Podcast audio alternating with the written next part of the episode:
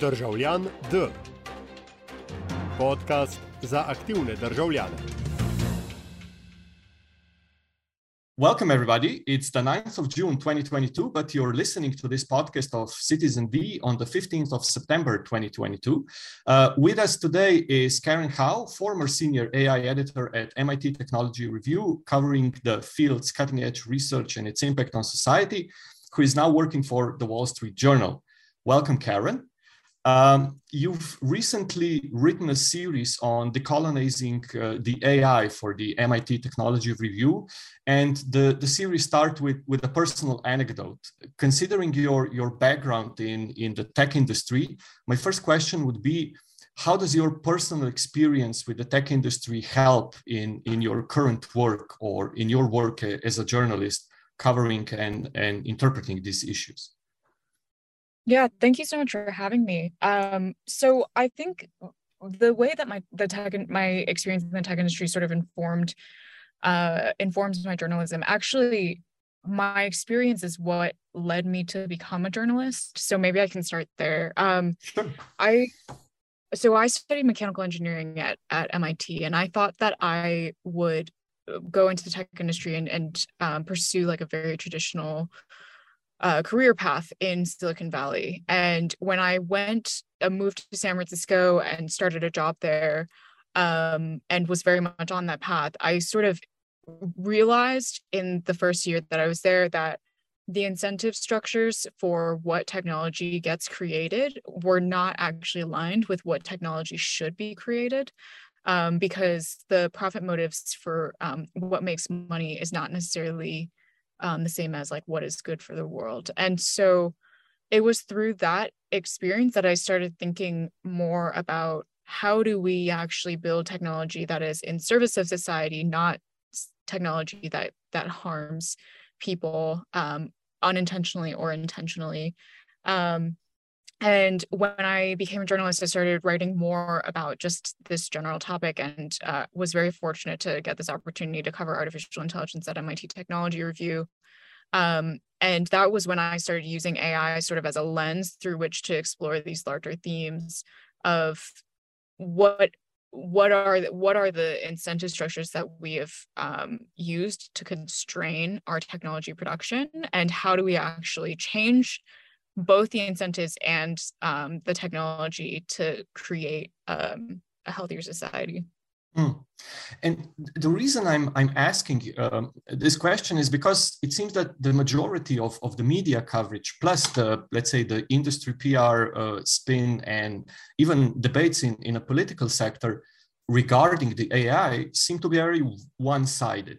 So you know, considering that you've been able to see the issues uh, between the so say uh, theory and practice why do you think the, the majority of the debate still hasn't uh, caught on with with the with the split? I think um yeah that's a really good question. I oh, i mean obviously obviously companies within the AI industry have like a they have a very strong motive to talk about the technology in a very very positive way um, I, I mean you have companies like openai for example who will talk about um, the technology in the specific way that they need to to maximize their funding to pursue the research that they want to pursue. Um, and Google and Facebook do the same thing, where they really um, amp up the capacity of the technologies, um, whether it's to um, get more public buy-in for this kind of research or to ward off regulation.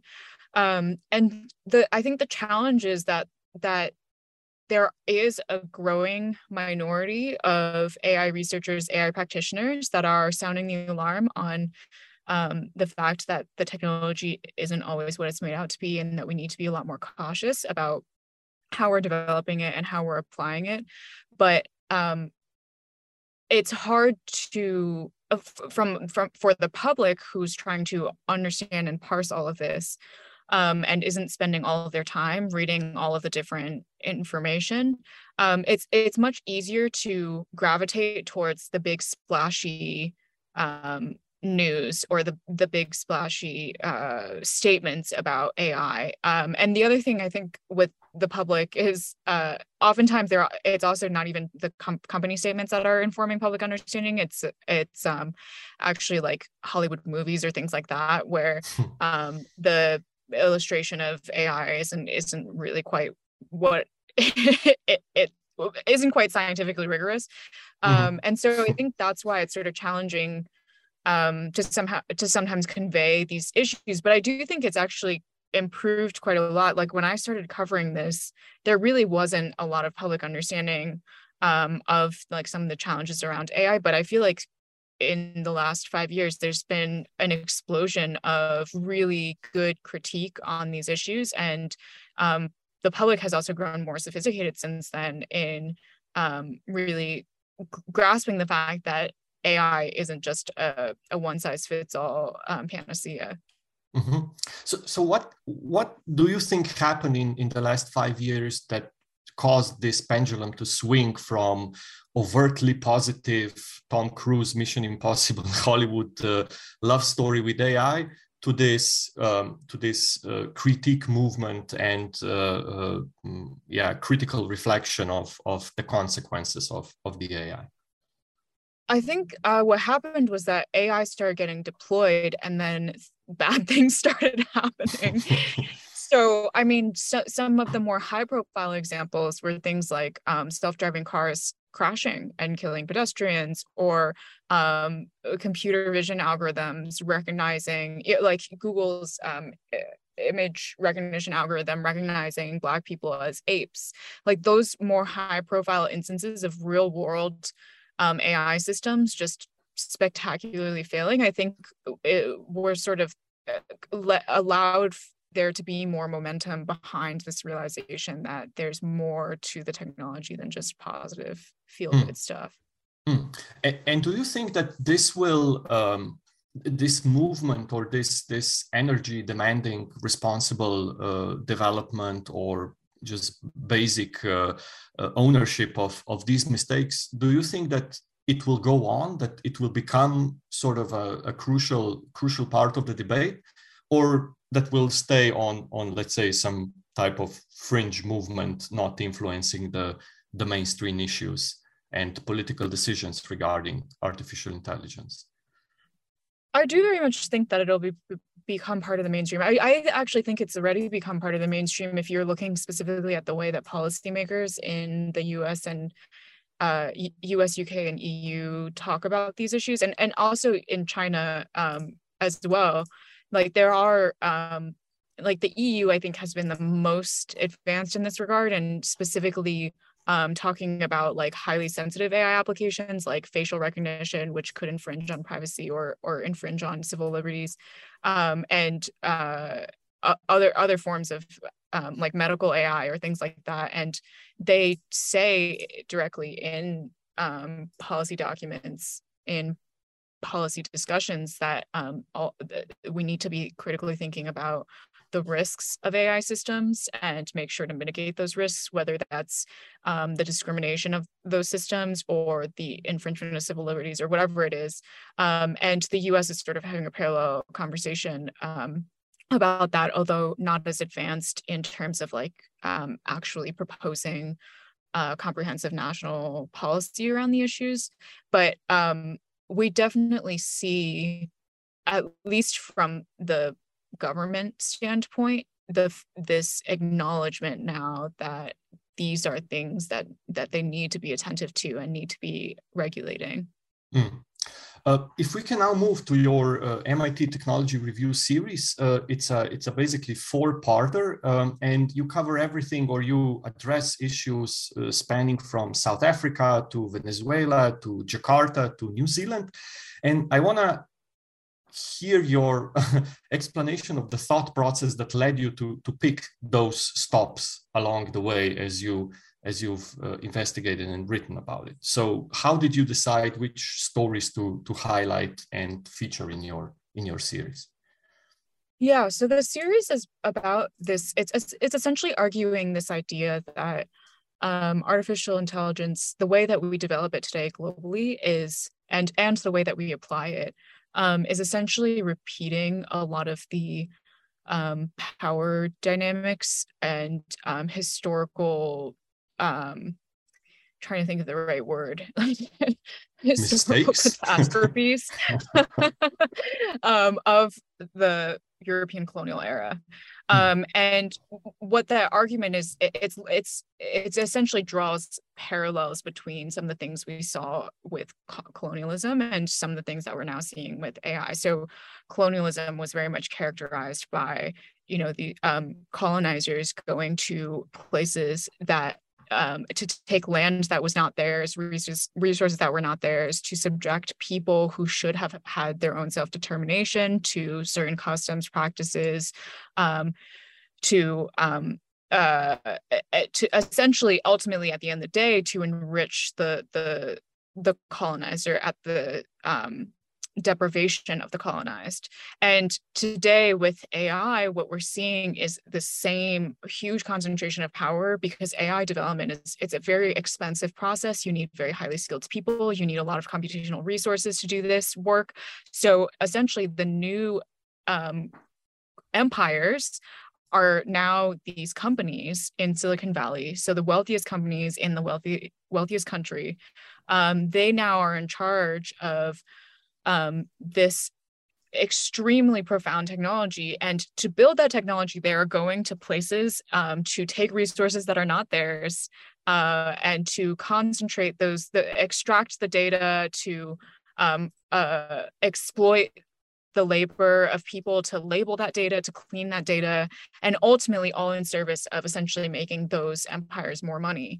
Um, and so in terms of your question of how i actually chose the locations for these stories, I actually started first with a general idea of what I wanted to, how I wanted to lay out this um, argument in installments. So each of the four parts kind of correspond to um, a different part of this argument. So the the first two stories are actually specifically arguing for specific parallels that draw the connection between what we're seeing with AI and what we saw with colonialism. Um, so the first one is really about uh, this idea of AI be, becoming a tool for racial control, which was um, something that racial control was like a very important part of the colonial enterprise. Um, there was sort of an institutionalized belief that certain people deserved to be subjected, and that was what allowed for the mass subjection. Uh, subjection of those people, uh, subjugation of those people, and um, and so that that was story number story number one and story number two then argues also labor exploitation was a huge part of the colonial enterprise especially slave labor um, that was part of how these empires amassed so much wealth without needing to spend any of it um, on labor. And um, again, we see in this AI enterprise um, that there are a lot of people who end up working for pennies um, as part of the as part of keeping the wheels turning to make these highly profitable algorithms uh, and generate revenue that they never see. Mm. Um, and so, with those first two stories, I kind of I sort of initially started with okay, I want to make these arguments, and then it sort of became very obvious where the locations should be because um, South Africa, there's like this huge privatized surveillance industry that's happening right now that's essentially recreating a digital apartheid. And that very much fit within this theme of racial control. So it naturally lended itself to tell that part of the story. Um, and then with labor exploitation, Venezuela has become one of the sites for AI labor exploitation globally. Um, so again, it also just, it, it sort of like fell into place that it, it made sense to tell the story there. Um, and then the last two stories, they try to take a more optimistic turn, which is to talk more about how do we actually move away from this model, this very colonial model, towards a more decolonial model of AI development, where we're giving more agency to the to people to participate in this technology and actually use the technology to benefit their lives rather than just be subjected to the technology um, in ways that they're not necessarily they don't necessarily agree with. Um, and so the third story specifically looks at the way that um, drivers in Jakarta, um, gig gig drivers in Jakarta, have essentially um, organized and used their really strong social fabric and their so strong community to es- essentially resist some of the ways that um, the ride hailing companies that they work for uh, expect them to kind of submit to the algorithmic expectations. Um, and in the last story, it, it goes to specifically um, this uh, indigenous uh, Maori nonprofit media company in New Zealand to talk about how they actually created um, an entirely new process, an entirely new protocol for developing AI that works for them, where they're able to have full control over their data, um, data collection, their data labeling, um, the data training, and ultimately the implementation and use of the technology that comes out of that.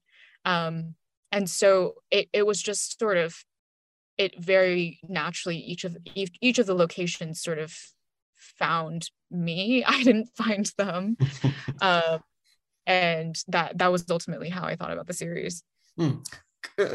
my my follow up to a follow up question uh, would be um, I guess the, the scale of these uh, issues that you're reporting, right? You you talk about bad and good sides of the AI, but I can't help to to notice that the scale of let's say bad stories is is much larger than the scale of of uh, of positive outcomes of AI. And the reason I'm asking this is because the well, usually uh, during the, the media or even political debates, you know, uh, people come out and say, look, you know, it's not the tool, it's how you use it. So mm-hmm. AI is neutral, it's just bad people doing bad stuff with essentially so-called good tools. Would you would you say that that is the case? Or would you say that there's a there's a coded bias or there's a coded uh, uh, value of, of good and bad in, in these tools that are being implemented as you've written about all across the world. Yeah so i don't ascribe to the belief that technology is neutral. So i don't think ai is neutral either. Um, there's this paper sort of a canonical paper in um, uh, uh, science technology and society studies called um, do artifacts have politics by Langdon Winner. Um, and it's essentially this argument that n- no artifact, like no technology um, is neutral, even even like very basic technologies like bridges. And he gives this example of how um, in New York in the olden days when they were developing the city, that there were architects or there was a particular architect that would design certain bridges um, where the the bottom of the bridge or um, uh, essentially the tunnel under the bridge would be built to only accommodate cars rather than buses and at the hmm. time it was a very intentional decision to only allow cars pass by because um, back in the day only white people owned cars and black people took buses and hmm. so um, it was like these tunnels that would go to these beach areas and the, the architect intentionally designed it to block black people from going to these beaches. Um, and so eh, that is i that example always sticks with me very vividly because it's a very like physical embodiment of this idea that technology is not neutral. Like you can you you it, technology has values embedded in them and ai very much so has values embedded in them. Mm. um, and one of the things that ai uh, today one of the values i think that um, is embedded in ai is this idea of scale mm-hmm. like people design ai hoping to scale it around the world and i think this is why to your question of why um, bad ai seems so much better or so much more more um, pervasive than good ai i think actually is because scale anything that is built to try and be a one size fits all solution across huge swaths of a very diverse population will automatically result in a lot of bad outcomes hmm. whereas the best way to design and apply AI in a productive manner is to actually keep it small, which is why I think that that good examples of AI are small. Um, mm. That's that's just my personal opinion. I, I think it's not a. I don't know how uh, how wide uh, how common this opinion is shared, but I just over reporting on AI for the last few years, it's just become very clear to me that like the reason why AI fails is it is when it's uh it's not designed to meet like a specific part of the users or part of a population. Um, and so the best way to to actually make sure it is catered towards the different um, subgroups within a population is to just get rid of this notion that we need like one unified thing to encompass everyone. Hmm. Hmm. And since we're slowly but surely running out of time, just one uh, topic I'd like to discuss or, or start discussing the issue of uh, political and, and personal responsibility, right? So uh, you write in your in your uh, series about uh, positive movements where people, let's say taxi drivers in, in Jakarta or, or uh, people in New Zealand, uh, organize and form these uh, communities or um, these, these unions to, to fight uh, negative consequences of AI. How do you see this issue of meaningful engagement of citizen slash consumer on these areas and what can let's say the political representative do to to sort of help us all survive the the bad AI that is uh, spanning across the globe? Yeah, it's this is always a particularly hard question because um, the the the challenge is that there is such a huge power dynamic where you know if Google decides to do something, then like billions of users around the world are suddenly subjected to whatever Google decided, and really as a consumer, it's very hard to change anything as one individual compared to a, a large mega corporation. Um, but what's nice about this these two stories with like Jakarta and um, New Zealand is that ultimately it was about a community coming together and mobilizing as a unit um, and ha- and finding more power in collective action. And um, I think there are ways that users, consumers of products can organize together to um, kind of exercise uh, resistance against things that they don't they don't want. Um, like there there's some I mean there's some tools. There, I w- wrote a story like a couple years ago that was called. Um, it was it was based on a paper that some a, a, researcher wrote about this idea of data poisoning, where like as a consumer, if you don't necessarily agree with an algorithm uh, being used on you, you can try to poison the data mm that it's trained mm-hmm. on. So yep. if you don't like the fact that Google monetizes um, uh, by by showing you ads, um, you know there there are plugins where you can you can download them and the plugin will automatically click on every single ad that Google ever shows you, so that it's the data it receives is just an absolute mess and it can't target you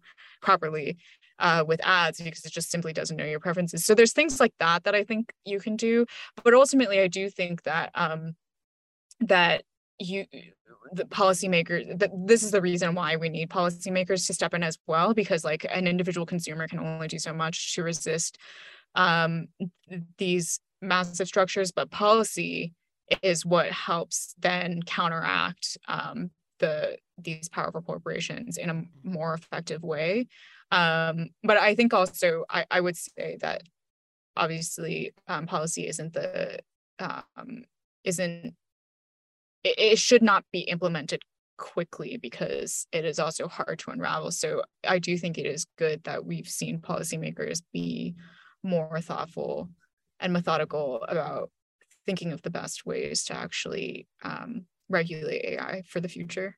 Mm. And and just and this this time for real final question.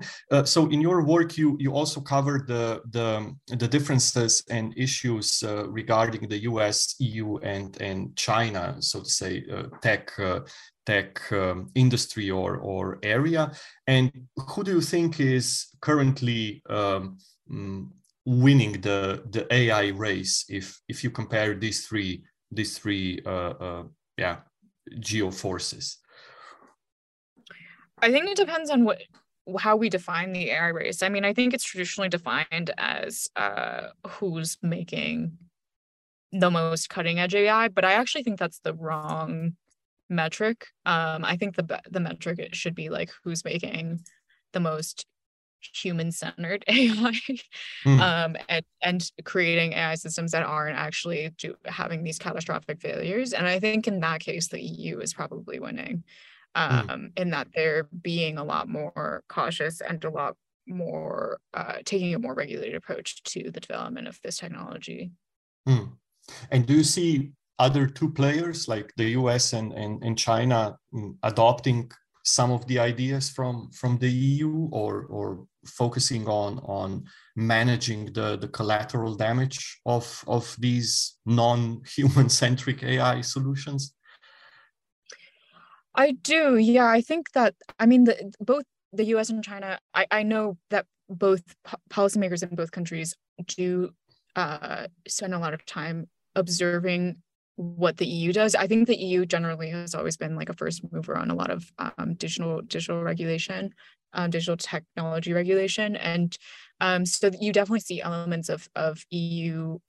The language that comes up in EU regulations start popping up um, in the U.S. and in China. I think in the, I'm more familiar with the U.S. context, where um, ultimately I think the US regulatory system is just so fractured that you most often see this kind of language pop up in like state or local level re- uh, regulation rather than national uh, regulatory proposals. But we do also see some um, national regulatory proposals in the US as well. It's just, um, we haven't, it, I, I don't think uh, it's been as aggressive as the EU.